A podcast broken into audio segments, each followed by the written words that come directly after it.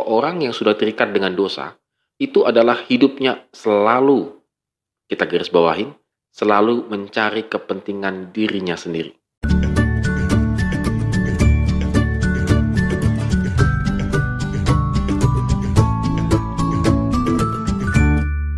Morning Good Readers, hari ini kita kembali merenungkan firman Tuhan, tetap semangat dan optimis dalam melakukan segala aktivitas kita pada hari ini, karena kita meyakini Tuhan akan selalu menyertai kehidupan kita. Dan kita akan lanjutkan pembicara, uh, pembacaan kita dari 2 Tawarikh pasal 22 ayat 1 sampai dengan yang ke-9. Ya hari ini nggak terlalu banyak ya untuk uh, kita baca renungannya. Ya, Readers kalau boleh kita renung-renungkan memang dalam kehidupan kita itu siapa yang ada di lingkaran kita itu sangat menentukan kemajuan hidup kita atau kemunduran hidup kita.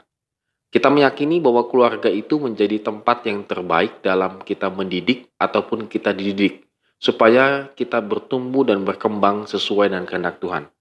Tidak demikian dengan Ahasia. Ahasia itu dididik oleh mamanya itu untuk melakukan apa yang jahat. Kita bisa lihat di ayat yang ketiga. Karena ibunya menasihatinya untuk melakukan yang jahat. Dan ia melakukan apa yang jahat di mata Tuhan. Kebayang, good readers, kalau ini orang tua model apa kalau boleh kita bilang demikian ya. Sebenarnya bukan masalah orang tuanya yang model apa atau bagaimana. Tetapi karena memang keluarga ini sudah terikat dengan dosa.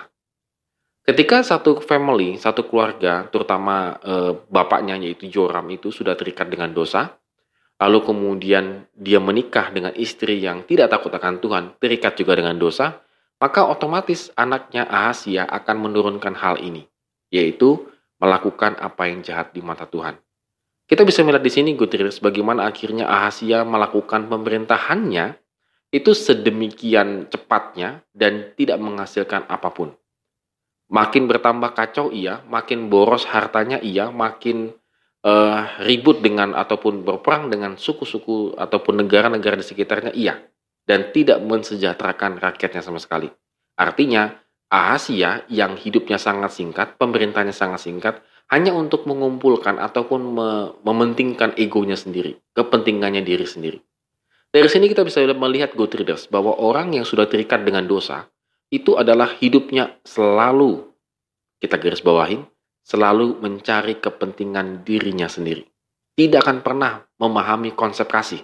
Karena konsep kasih itu adalah memperhatikan, berempati, atau melayani orang yang di luar dirinya. Berbeda dengan konsepnya iblis. Konsepnya iblis adalah untuk kepentingan dirinya sendiri. Dan ketika Ahasia itu meninggal begitu ya, di ayat yang ke-9 dicatat begini.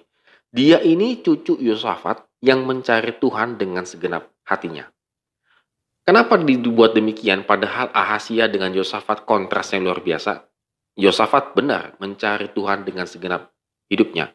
Tetapi ini perlu sekali ditulis supaya mengkontraskan antara Yosafat dengan Ahasia sampai generasi kedua cucunya. Kalau tidak hidup di dalam Tuhan, maka hidupnya menjadi hancur.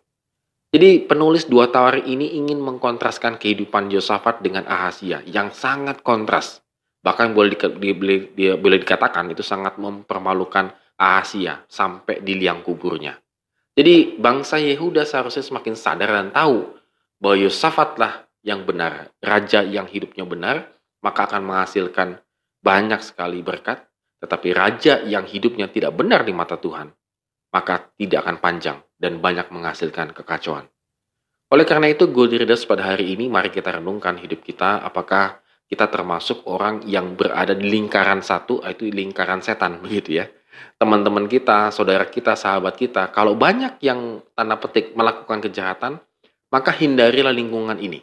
Kecuali kita punya satu misi khusus untuk penginjilan. Tetapi kalau tidak ada satu misi untuk penginjilan, maka lebih baik kita menghindari. Supaya tidak terkontaminasi, tidak ikut-ikutan begitu ya. Oleh karena itu, good readers, makanya hidup kita day by day ini perlu sekali bergantung kepada Tuhan supaya apa pun yang kita ambil dalam keputusan kita, dalam pergaulan kita, kita selalu dijagai dan disertai Tuhan. Mari tetap semangat untuk mengasihi Tuhan dan memuliakan nama Tuhan. Amin. Have a nice day and God bless us.